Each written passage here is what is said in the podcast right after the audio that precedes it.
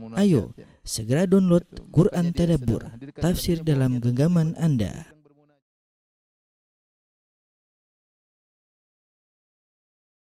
Bismillahirrahmanirrahim. Assalamualaikum warahmatullahi wabarakatuh.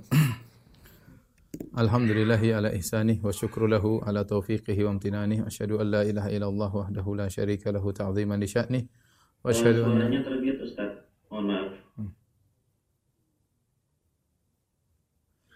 Assalamualaikum warahmatullahi wabarakatuh. Alhamdulillahi ala ihsanih wa syukru lahu ala taufiqihi wa amtinanih. Wa asyhadu an la ilaha illallah wahdahu la syarika lahu ta'ziman li sya'nih. Wa asyhadu anna Muhammadan abduhu wa rasuluhu da'ila ridwanih. Allahumma salli alaihi wa ala alihi wa ashabihi wa ikhwanih. Para ikhwan dan akhwat wa akhwan ibu yang rahmati Allah Subhanahu wa taala, pada kesempatan kali ini kita akan melanjutkan pembahasan kita eh, tentang tafsir surat Asy-Syarah yaitu surat Asy-Syarah atau disebut dengan surat Al-Insyirah yaitu surat Alam Nashrah Laka Sadrak. Dan ini adalah kelanjutan daripada surat Ad-Duha yang eh, surat Ad-Duha eh, berbicara tentang kenikmatan kenikmatan eh, zahir ya seperti Nabi sallallahu alaihi wasallam alam yajidika yatiman fa'awa yang tadinya yatim kemudian eh, Allah Subhanahu wa taala memberikan naungan ya dinaungi oleh eh, kakeknya kemudian pamannya ya. Kemudian wajadaka dhalam fahada wajadaka ailam faaghna ya. Allah mendapati engkau dalam kondisi eh, miskin sulit maka Allah memenuhi keperluanmu menjadi kau berkecukupan. Eh, itu adalah nikmat-nikmat yang nikmat-nikmat zahir ya. Adapun alam nasrah atau surat asyarah fokus pada kenikmatan-kenikmatan eh, maknawi yaitu eh, berkaitan dengan eh, psikologi Nabi sallallahu alaihi wasallam. Taib. Eh, jadi sampai-sampai sebagian ada yang menganggap bahwasanya surat eh, Ad-Duha ya eh, berkelanjutan dengan surat Asyarah ya. Berkelanjutan dengan surat Asyarah ya. Bahkan sebenarnya menganggap satu surat, bahkan sebenarnya menganggap satu surat. Kenapa? Karena topiknya sama-sama tentang nikmat yang Allah berikan kepada Nabi sallallahu alaihi wasallam. Hanya saja surat Al-Duha nikmat yang zahir, adapun surat Asyarah nikmat yang batin. Baik kita bahas insyaallah. Allah Subhanahu wa taala berfirman ya alam nashrah laka sadrak ya. Uh, bukankah kami telah melapangkan dadamu ya.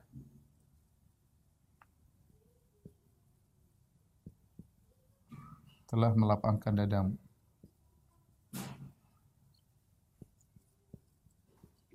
Uh, ini di antara nikmat yang pertama yang Allah berikan kepada Nabi dalam ayat inilah melapangkan dada.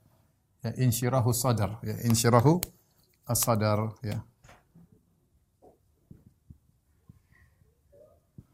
Uh, tentu lapangnya dada, ya ini uh, sangat dibutuhkan oleh seorang dai, ya. Terutama ketika dia berdakwah menghadapi berbagai macam ujian dan cobaan, cercaan, ya. Uh, sebagaimana Nabi Musa alaihissalam ketika diutus kepada Fir'aun, Idhab ila Fir'auna innahu tagha. Kata Allah, wahai Musa, pergilah kepada Fir'aun, sungguhnya telah melampaui batas. Apa doa yang diminta oleh Musa kepada Allah Subhanahu wa taala? Rabbi shrah li sadri wa yassir li amri wa hlul 'uqdatam min lisani yafqahu qawli waj'al li waziran min ahli Harun akhis. Doa yang masyhur yang kita rata-rata sudah hafal. Yang doa tersebut dibuka dengan Rabbi shrah li sadri. Ya Rabbku lapangkanlah dadaku. Ini paling penting. Yang penting dada lapang dulu. Baru kemudian dia minta yang selanjutnya, wa yassir li amri, mudahkanlah urusanku. Urusan-urusan mudah, tapi kalau dada enggak lapang jadi sulit. Urusan sulit, tapi kalau dada lapang jadi mudah. Ya, dia mudah menghadapi semuanya. Kira-kira kita dapati eh, dua orang mendapati musibah yang sama. Yang satu bisa tersenyum menghadapi musibah tersebut. Yang satu tidak bisa menghadapi dengan senyuman. Berat rasanya padahal musibahnya sama-sama ringan. Kenapa yang satu bisa menghadapi dengan senyuman karena dadanya lapang, yang satu dadanya sempit. Makanya yang pertama kali diminta oleh Nabi Musa alaihissalam, Rabbi shrah li sadri. Ya Allah, lapangkanlah dadaku. Wa yassir li amri, mudahkanlah urusanmu, urusanku ya. Baru kemudian permintaan-permintaan berikutnya. Dan ini lapangnya dada dibutuhkan oleh uh, para ambia ya. para nabi, para rasul yang mereka menghadapi ujian yang sangat luar biasa. Di antaranya Nabi Muhammad sallallahu alaihi wasallam. Kita kalau lihat ujian yang dihadapi oleh nabi luar biasa ya. Ya. Nabi diuji sebelum menjadi nabi apalagi setelah diangkat menjadi seorang rasul, dimusuhi oleh kaumnya, dituduh dengan uh, apa namanya? pembohong, kazab, kemudian uh, sabi keluar dari adat tradisi nenek moyang, kemudian dikatakan syairun majnun, penyair gila, dikatakan kahin dukun, dikatakan mashur tersihir, dikatakan penyihir. Ya, mungkin kita saya berdakwah selama Selama sekian tahun tidak pernah saya dijuluki dengan julukan tersebut. Nabi SAW. Dan dia dijuluki bukan yang yang lebih berat itu sebelumnya dijuluki dengan Al-Amin. Itu jadi masalah.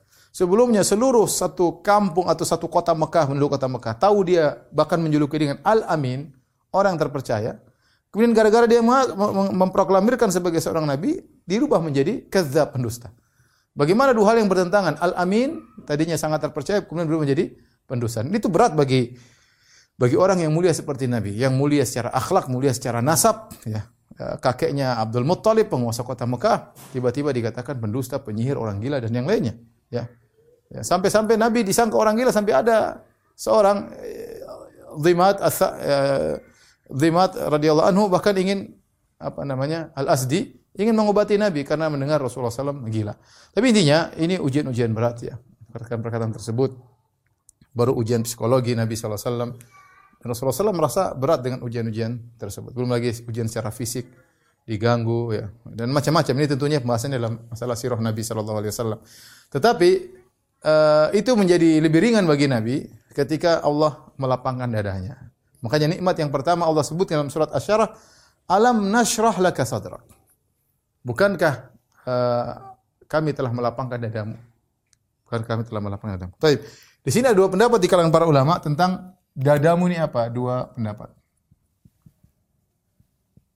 Uh, ada yang mengatakan maksudnya uh, melapangkan dada. Maksudnya adalah maknawi. Maknawi. Abstrak ya. Tadi ya, ya, ya, yang kita bilang yaitu uh, uh, diberi dada yang lapang dalam menghadapi ujian. Ini pendapat pertama. Uh, pendapat kedua, pendapat disebutkan oleh Ibnu Katsir rahimahullah taala melapangkan dada secara secara hisi yaitu kenyataan. Secara hisi itu maksudnya apa? Konkret ya. Benar-benar dadanya dibelah, artinya dadanya dibelah oleh malaikat Jibril. Itu maksudnya dadanya benar-benar dibelah. Benar-benar dibelah. Dan ini kita tahu Rasulullah SAW mengalami pembelahan dada uh, lebih dari sekali. Cuma ada khilaf apakah tiga kali atau atau dua kali. Yang benar, ya, ya, yang jelas Rasulullah SAW dibelah dadanya dua kali. Pertama ketika beliau masih kecil, ketika tinggal di uh, Bani Sa'ad ya di Taif, Rasulullah SAW sedang bermain-main dengan bermain-main dengan uh, teman-temannya penggembala kambing tiba-tiba datang malaikat Jibril kemudian belah dada Nabi SAW dikeluarkan bagian kotor dari dada Nabi SAW. Demikian juga kedua kalinya ketika Nabi akan Isra Mi'raj. Ketika Rasulullah SAW akan Mi'raj pergi ke Sidratul Muntaha untuk bertemu dengan Allah Subhanahu wa taala maka dibelah dadanya kedua kali. Dibelah dada dikeluarkan uh, bagian yang kotor kemudian dibersihkan dengan air zam-zam dimasukin cahaya hikmah dan yang lainnya jadi Nabi SAW benar-benar dilapangkan dadanya sampai dikatakan hadza hadzu syaitani minka bagian ini yang diganggu setan dibersihkan. Dibersihkan oleh uh, malaikat Jibril. Uh, dan dua-dua ini benar. Rasulullah benar-benar dadanya dibuka sampai Anas bin Malik melihat ada asarul makhit, bekas jahitan di dada Nabi. Anas bin Malik lihat ada bekas jahitan di dada Nabi SAW. Yang tatkala dada Nabi dibelah, ya sampai dua kali, dibersihkan, sehingga menjadikan Nabi SAW imannya sangat kuat dan juga dadanya lapang. Jadi dua dua tafsir ini tidak bertentangan, saling saling berkaitan ya, saling ber, berkaitan. Dada Nabi dibelah secara kenyataan mengakibatkan juga memberi dampak dada Nabi lapang ya. Lapang ketika uh, menghadapi ujian-ujian cercaan dan dan celaan.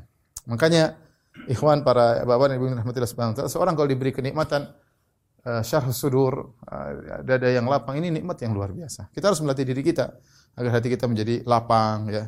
Dengan cara apa? Dengan belajar tentang masalah takdir, masalah buruknya hasad, buruknya suudzon, uh, positive thinking selalu kepada Allah Subhanahu wa taala. Enggak enggak usah ngurusin urusan orang dan macam-macam. Jadi kita belajar hati kita menjadi bersih. Karena kalau kita bersih, hati kita lapang, kita kuat menghadapi ini, menghadapi anu tegar ya. Dan ini adalah nikmat yang Allah berikan kepada Nabi. Alam nashrah laka sadrak. Kemudian kata Allah Subhanahu wa taala, "Wa wada'na anka wizrak."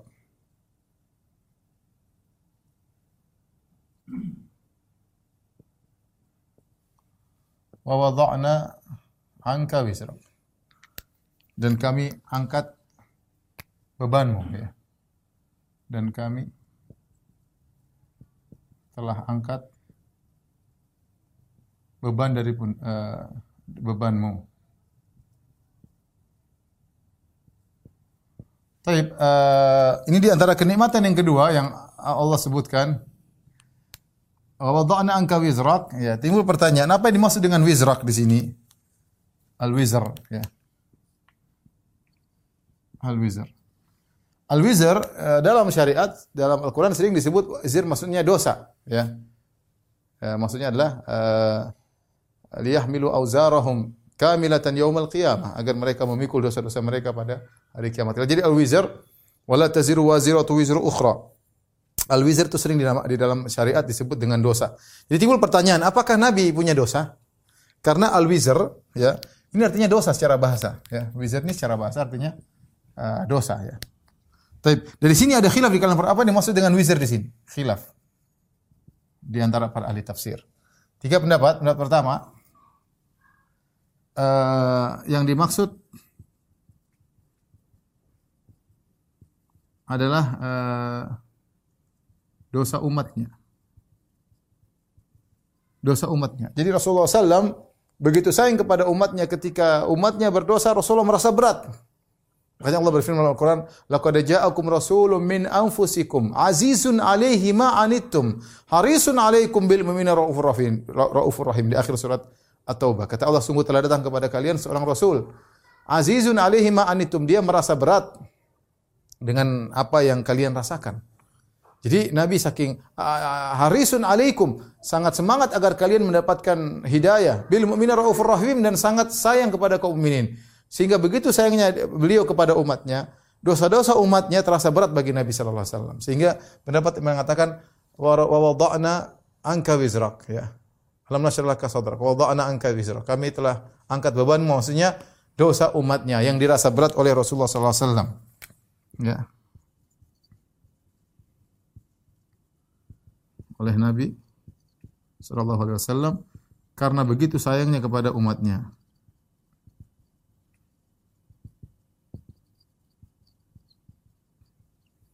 Uh, ada yang mengatakan uh, wa wada'na anka wizrak maksudnya beban dakwah. Beban dakwah.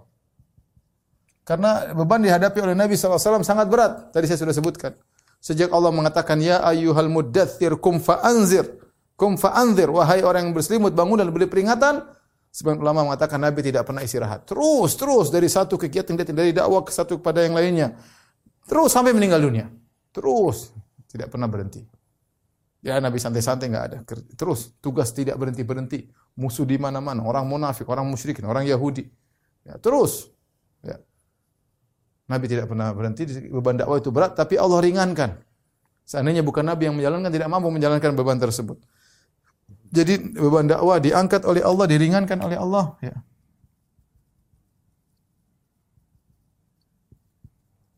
Oleh Allah. Seandainya selain Nabi, selain Nabi yang pikul maka tidak mampu.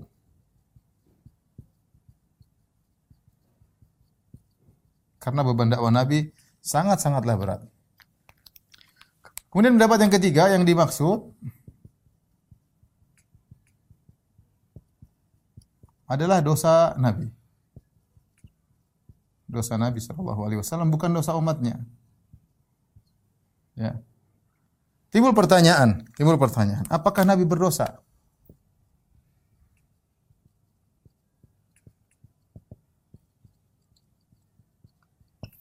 Ijma ulama bahwa Nabi SAW maksum dan para ambia seluruhnya maksum. Maksum maksudnya apa? E, terpelihara, terjaga dari kesalahan dalam menyampaikan wahyu. Nabi tidak mungkin salah dalam menyampaikan wahyu. Tetapi apa? Kemudian juga ijma ulama. Nabi tidak mungkin melakukan dosa besar. Nggak mungkin. Kemudian juga ijma ulama bahwasanya Nabi SAW tidak mungkin melakukan perkara-perkara yang menghinakan dirinya seperti mencuri, berzina, nggak mungkin. Tapi kalau dosa-dosa kecil, maka jumhur ulama mengatakan Nabi, para Nabi mungkin melakukan dosa-dosa kecil. Jadi, apakah Nabi berdosa? Menurut jumhur ulama, iya. Ya, Eh, jawabannya iya, akan tetapi akan tetapi pertama adalah dosa kecil.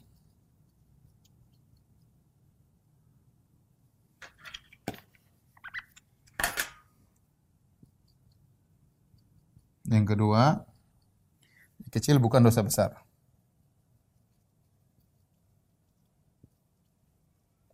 Yang kedua, eh, bukan merupakan perkara yang merendahkan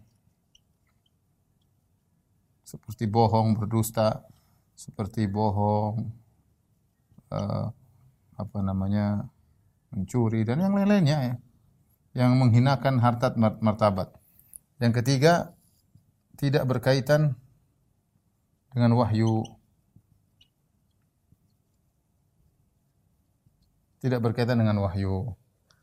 Jadi yang dimaksud wa wada'na anka wizrak yaitu kami ampuni dosa-dosamu.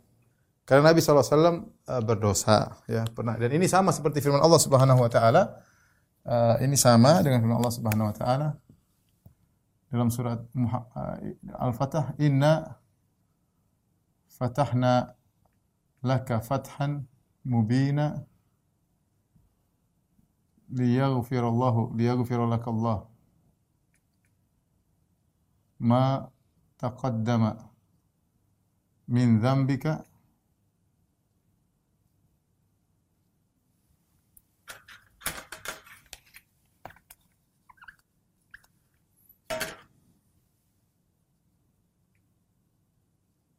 wa ma ta'akhkhar. Dalam surat al, awal surat Al-Fatah kata Allah Subhanahu wa taala, "Inna fatahna laka fatan mubina." Sungguhnya kami telah memberikan engkau kemenangan yang nyata. Buat apa? Liyaghfira lakallahu ma taqaddama min dzambika wa ma ta'akhkhar. Agar Allah mengampuni dosamu yang telah lalu dan akan datang. Agar Allah mengampuni dosamu yang telah akan datang. Sama dengan wada'na anka wizrak yaitu kami telah angkat bebanmu, kami telah angkat dosamu, kau diampuni. Persis seperti surat ini, ayat ini surat Al-Fatah. Jadi Nabi SAW memang punya uh, dosa ya. Uh, sebagaimana nabi-nabi yang lain juga melakukan dosa ya.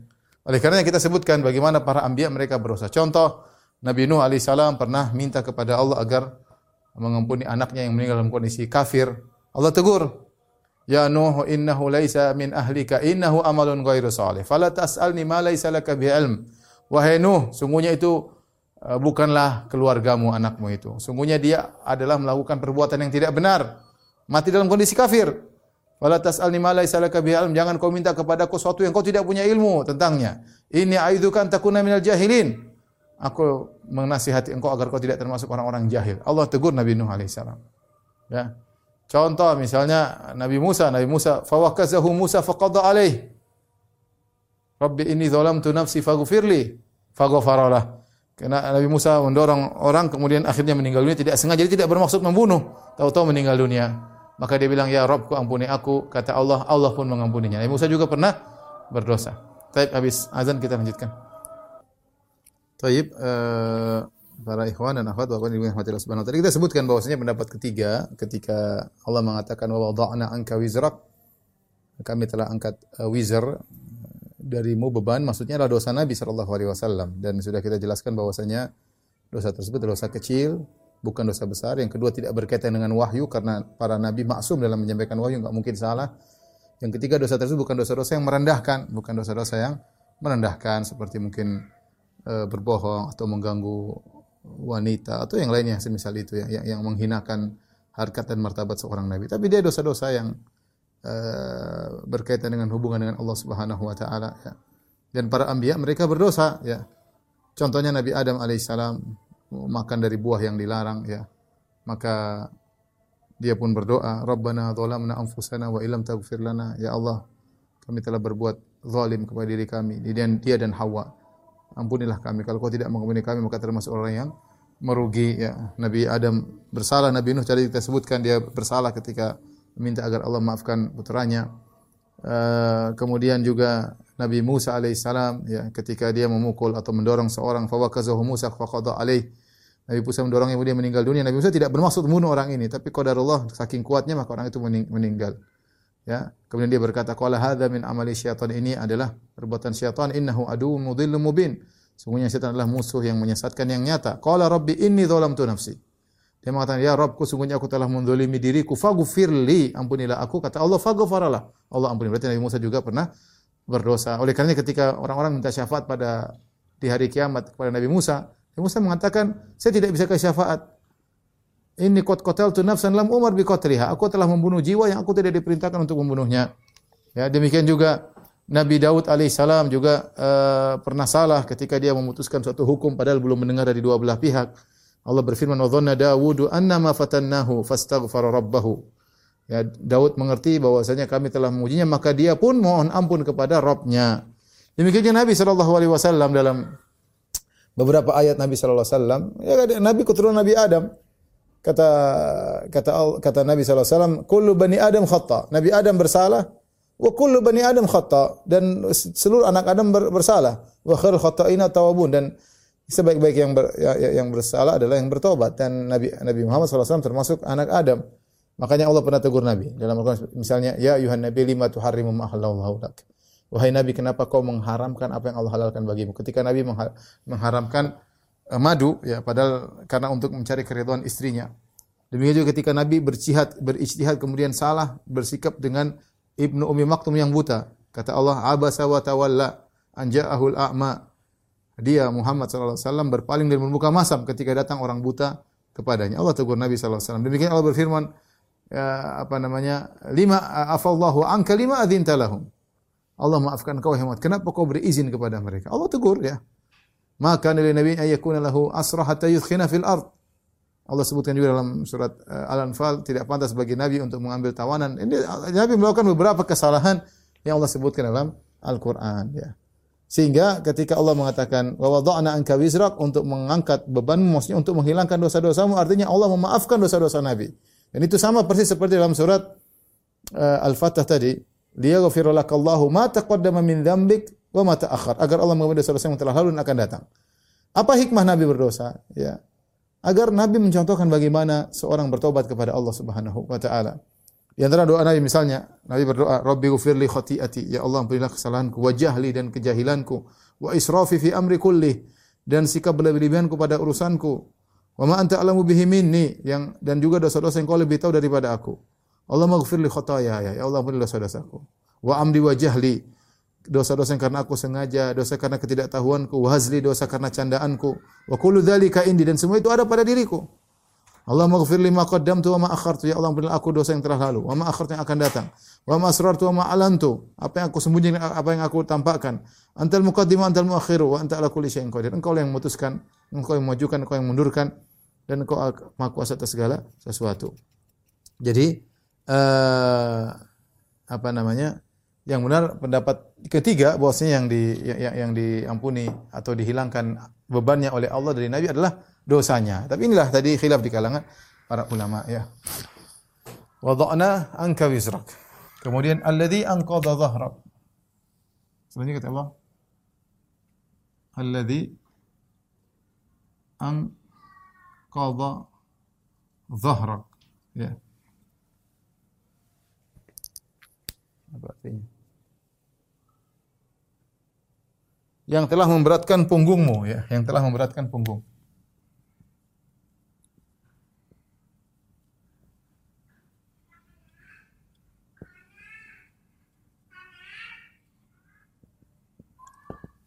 Dosa tersebut atau kesalahan beban tersebut yang di sini wada'na angka wizra kami angkat bebanmu. Tadi ada tiga pendapat. Beban itu sungguh telah memberatkan punggungmu, wahai Rasulullah. Karena uh, angkadha maksudnya seperti bair onta kalau kita taruh barang sampai ada bunyinya saking beratnya sebut dengan angkadha zahrahu telah memberatkan bebannya. Jadi beban yang dipikul oleh Nabi SAW sangat berat. Kalau kita artikan maksudnya yang membebani Nabi adalah dosa, adalah dosa Nabi Shallallahu Alaihi Wasallam. Maksudnya bagi para ambia, bagi para nabi, kalau kita pilih pendapat maksudnya dosa, ya. dosa kecil bagi para nabi.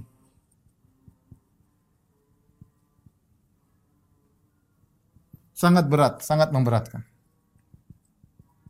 Meskipun dosa kecil, mereka tidak pernah meremehkan dosa.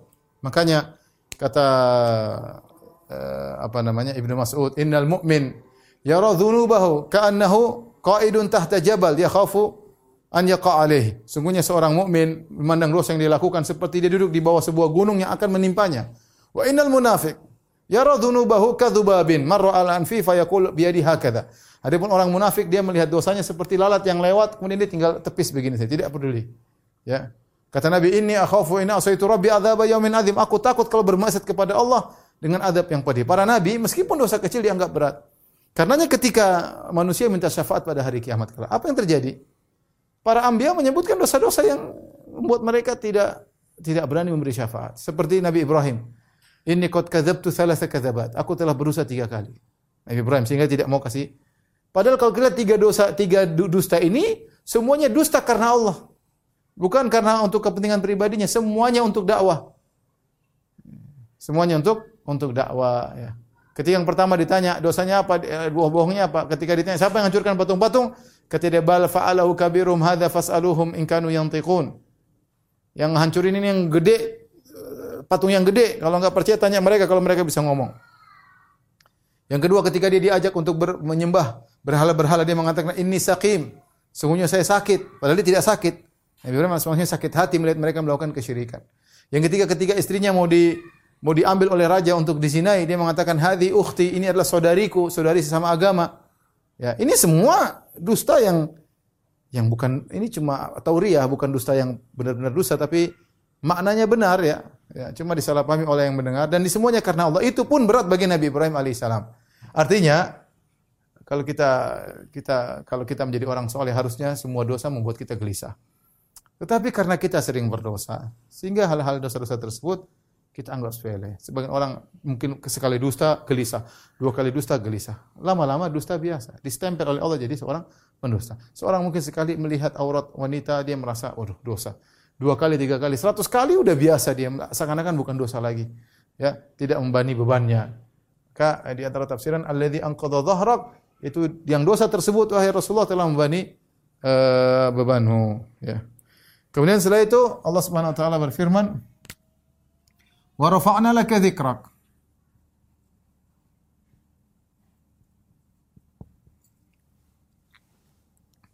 Wa rafa'na laka dan kami telah mengangkat uh, penyebutanmu.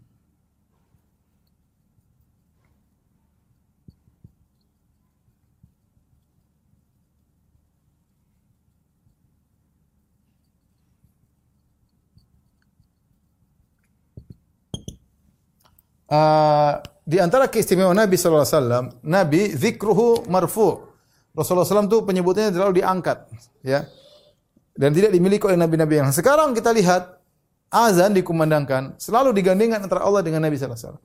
Syahadu an la ilaha illallah, syahadu anna Muhammadar Rasulullah. Betapa banyak orang bersalawat kepada Nabi, setiap detik ada orang bersalawat. Setiap detik ada orang bersalawat, ya. Setiap detik ada orang mengumandangkan azan karena waktu azan berjalan terus. Sekarang ini saya lagi ngomong, ada yang mengatakan asyhadu anna Muhammad Rasulullah, ada yang mengatakan demikian. Sekarang saya lagi ngomong. Dari ujungnya ke ujung dunia azan tidak pernah putus dan selalu di nama Nabi diangkat. Asyhadu anna Muhammad Rasulullah. Subhanallah. Ini tidak didapatkan oleh uh, nabi-nabi yang yang lain. Setiap saat ada orang bersolawat. Setiap saat orang bersolawat ini tidak dapat oleh nabi-nabi yang yang lain. Oleh karenanya warafa'na laka dzikrak. Kami telah mengangkat penyebutan engkau wahai Rasulullah SAW yang uh, tidak pernah diberikan kepada eh, nabi-nabi uh, yang lain. Kemudian Allah Subhanahu wa taala berfirman, "Fa inna ma'al usri yusran."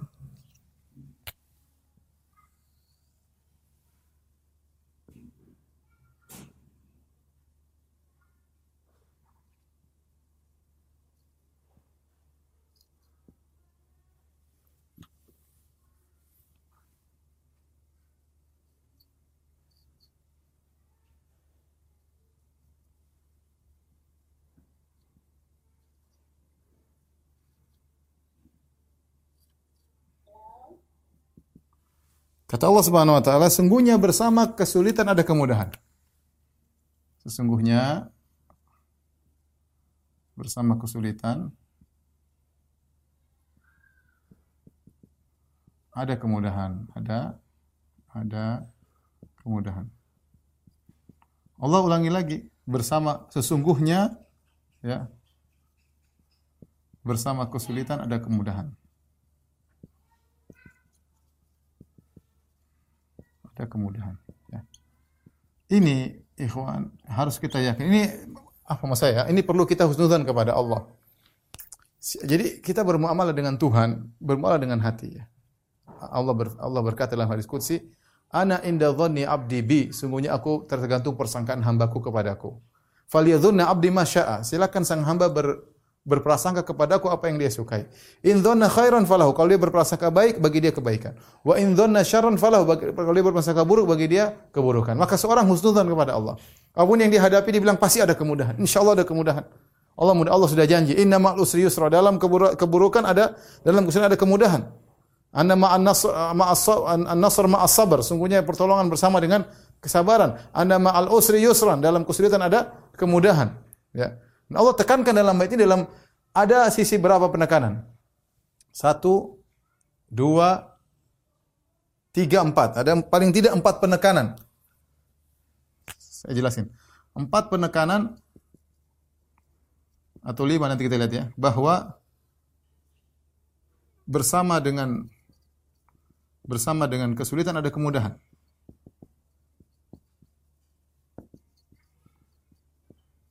Perhatikan. Penekanan tersebut yang pertama Allah buka dengan inna. Allah buka dengan inna. Dan inna itu artinya sesungguhnya. Yang artinya sama dengan sesungguhnya.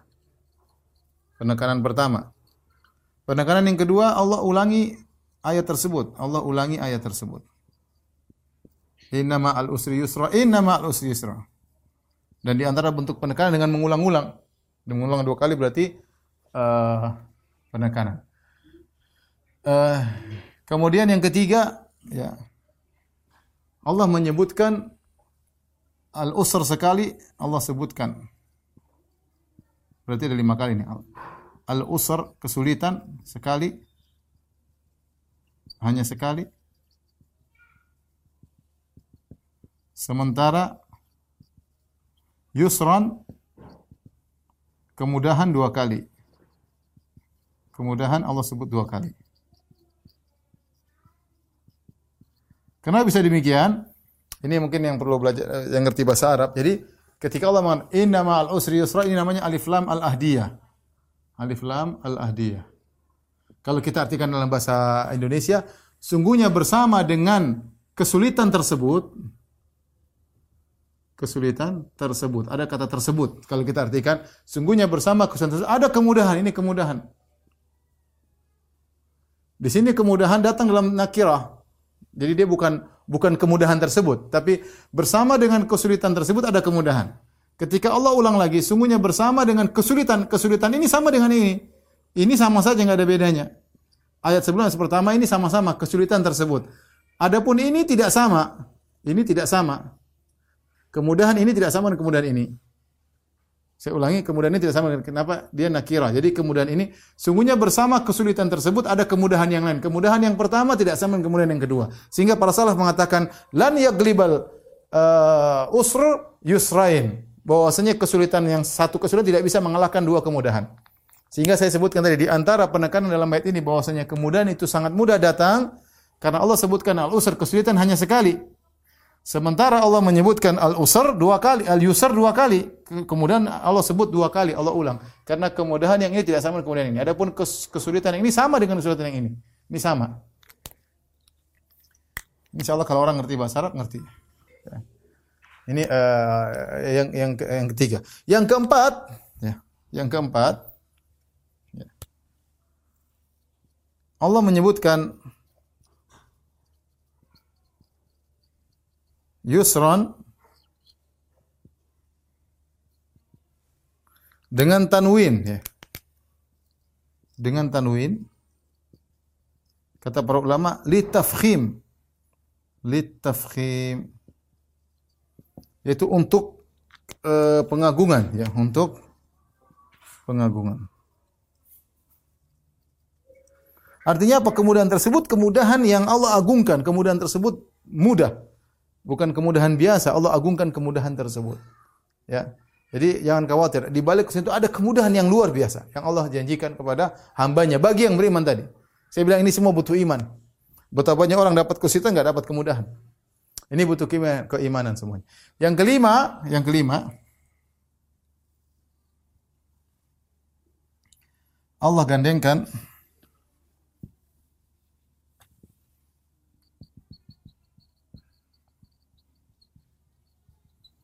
al-usr kesulitan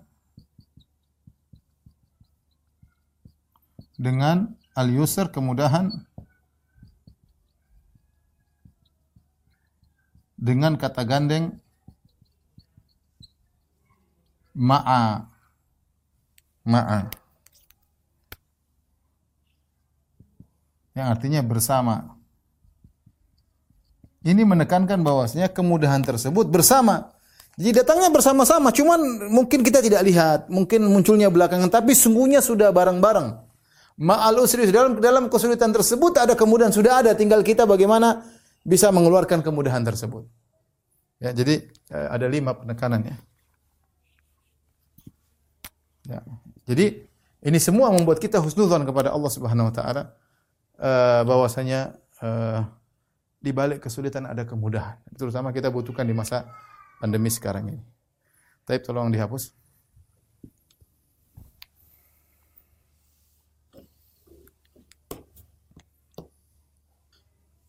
Taib kita lanjutkan dua ayat lagi kata Allah Subhanahu wa taala fa idza faraqta fansab. Fa idza fansab. Jika kau selesai maka bangun bangkitlah jika kau selesai. Maka bang, bangunlah atau bangkitlah. Taib. Jika selesai dari apa? Jika engkau selesai dari apa? Ada dua pendapat.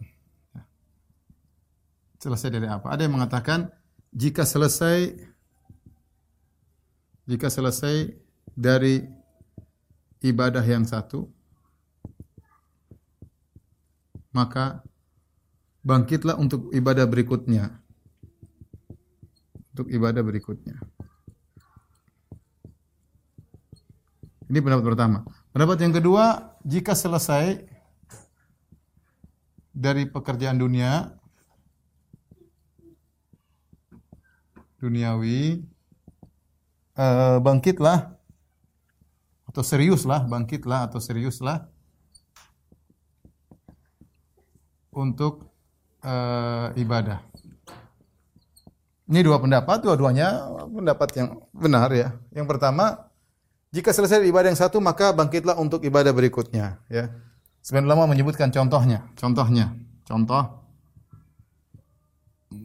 setelah sholat ya seriuslah ibadah, seriuslah berdoa.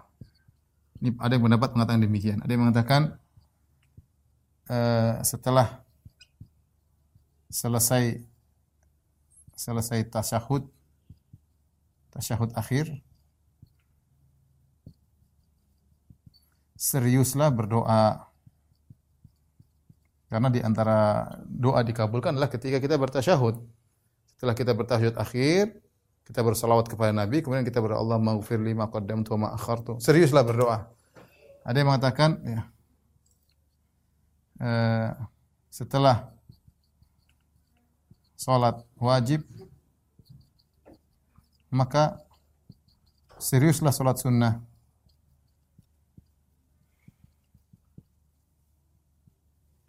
Ada juga yang mengatakan maknanya jika selesai uh, dakwah maka bangkitlah berjihad. Intinya di sini yang kita harus perhatikan bahwasanya uh, kita berpindah dari satu ibadah kepada ibadah yang lainnya. Kalau sudah selesai ini ibadah berikutnya, sudah selesai ibadah berikutnya. Jangan begitu ibadah kemudian malas. Bisa istirahat sebentar, bangkit lagi kepada ibadah yang berikutnya. Ini tafsiran yang pertama. Tafsiran kedua, maksudnya jika selesai dari pekerjaan dunia duniawimu, bangkitlah untuk urusan ibadahmu. Allah berfirman, "Wa bataghi fima atakallahu daral akhirata wa la tansa nasibaka minad dunya." Carilah uh, dari apa yang Allah berikan kepada engkau, carilah hari akhirat Jangan lupa dengan duniamu. Artinya yang fokus utama akhirat. Dunia ya hanya sebagai perantara untuk kita fokus ke akhirat. Maka ini isyarat bahwasanya serius bukan cuma urusan dunia. Sebagaimana kebanyakan orang kalau untuk urusan dunia serius, tapi untuk akhirat tidak. Tapi akhirat juga harus serius. Justru yang paling penting akhirat diserius. Harus lebih serius. Nah, kita serius dengan dunia, oke okay, bagus. Kita dunia serius dunia, akhirat juga serius. Tapi dunia mau kita tinggalkan. Salah kalau kita akhirat seadanya, dunia serius. Ini salah. Kalau kita bisa balik dunia seadanya, akhirat serius yang penting. Yang penting kita jangan yang penting kita bisa hidup, kita jangan keteteran, jangan terlantar, terlantar, apa terlantarkan anak-anak istri ya. Gitu. Karena Allah berfirman, "Wa bataghi fi ma atakallahu dar akhirat." Kalau carilah dari harta yang Allah berikan kepada engkau akhirat. Wala, tapi jangan lupa wala tansa nasibaka Jangan lupa bagian dari dunia. Maksud saya minimal kalau Anda serius di dunia, eh, serius juga masalah akhirat ya. Kerja-kerja, waktunya ngaji-ngaji, waktunya baca Quran serius. Ya. Seperti itu. Waktu baca medsos serius, waktu pengajian enggak serius. Ya jangan. Kita nih dunia mau kita tinggalkan, ya. Maka seriuslah pada apa yang kita tuh menuju kepadanya. Dua-duanya kita serius. Makanya faida farokta, kalau selesai urusan dunia, bagaimana kau serius? Fansop, maka seriuslah untuk urusan akhiratmu juga. Ayat terakhir. Wa ila rabbika farghab. Dan hanya kepada Rabbmu lah kau berharap. Dan hanya kepada Rabbmu lah berharap. Berharaplah. Ya. Di sini wa ila rabbika wa ila rabbika ini didahulukan. Asalnya fargob ila rabbik. Asalnya fargob ila rabbik. Berharaplah kepada Tuhanmu.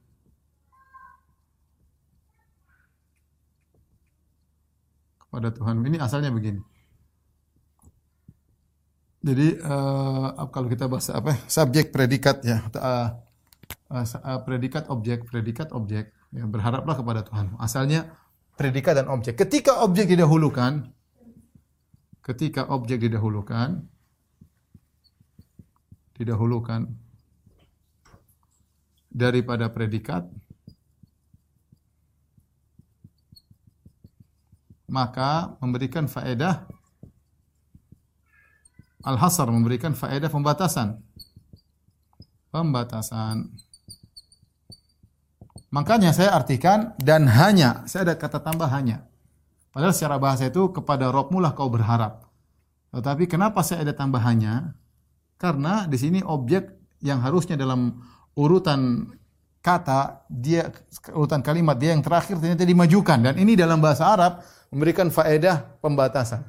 Sehingga artinya dan hanya kepada Rob mulah berharaplah. Jangan berharap kepada selain Allah. Sehingga jangan berharap kepada selain Allah.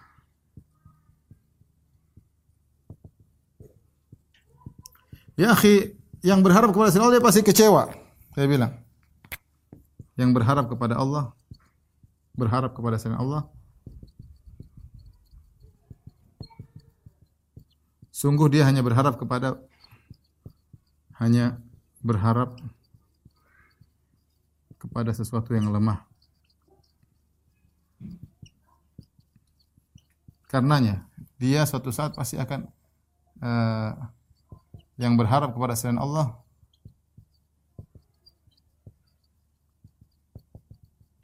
suatu saat akan kecewa.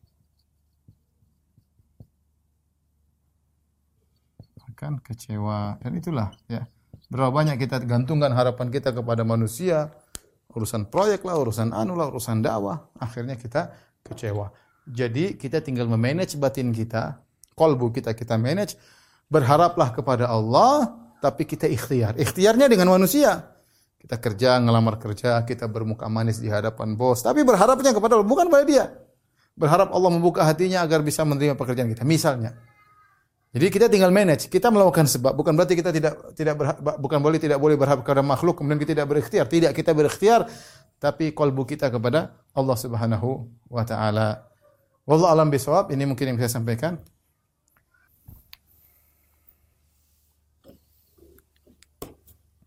Baik. Uh, semoga apa yang telah disampaikan oleh Ustaz dapat menambah keimanan kita dan dapat menjadi ilmu yang bermanfaat buat kita semua. Terus Ustaz dapat menjadi ilmu yang ilmu yang bermanfaat dan uh, amal jariah. Amin ya rabbal alamin. Sebelum kita akhiri pengajian ini, mari kita uh, baca doa kafaratul majelis. Subhanakallah wa bihamdika asyhadu an la ilaha illa anta astaghfiruka wa atubu ilaik. Jazakallahu khairan katsiran Ustaz. Assalamualaikum warahmatullahi wabarakatuh. Waalaikumsalam. Waalaikumsalam.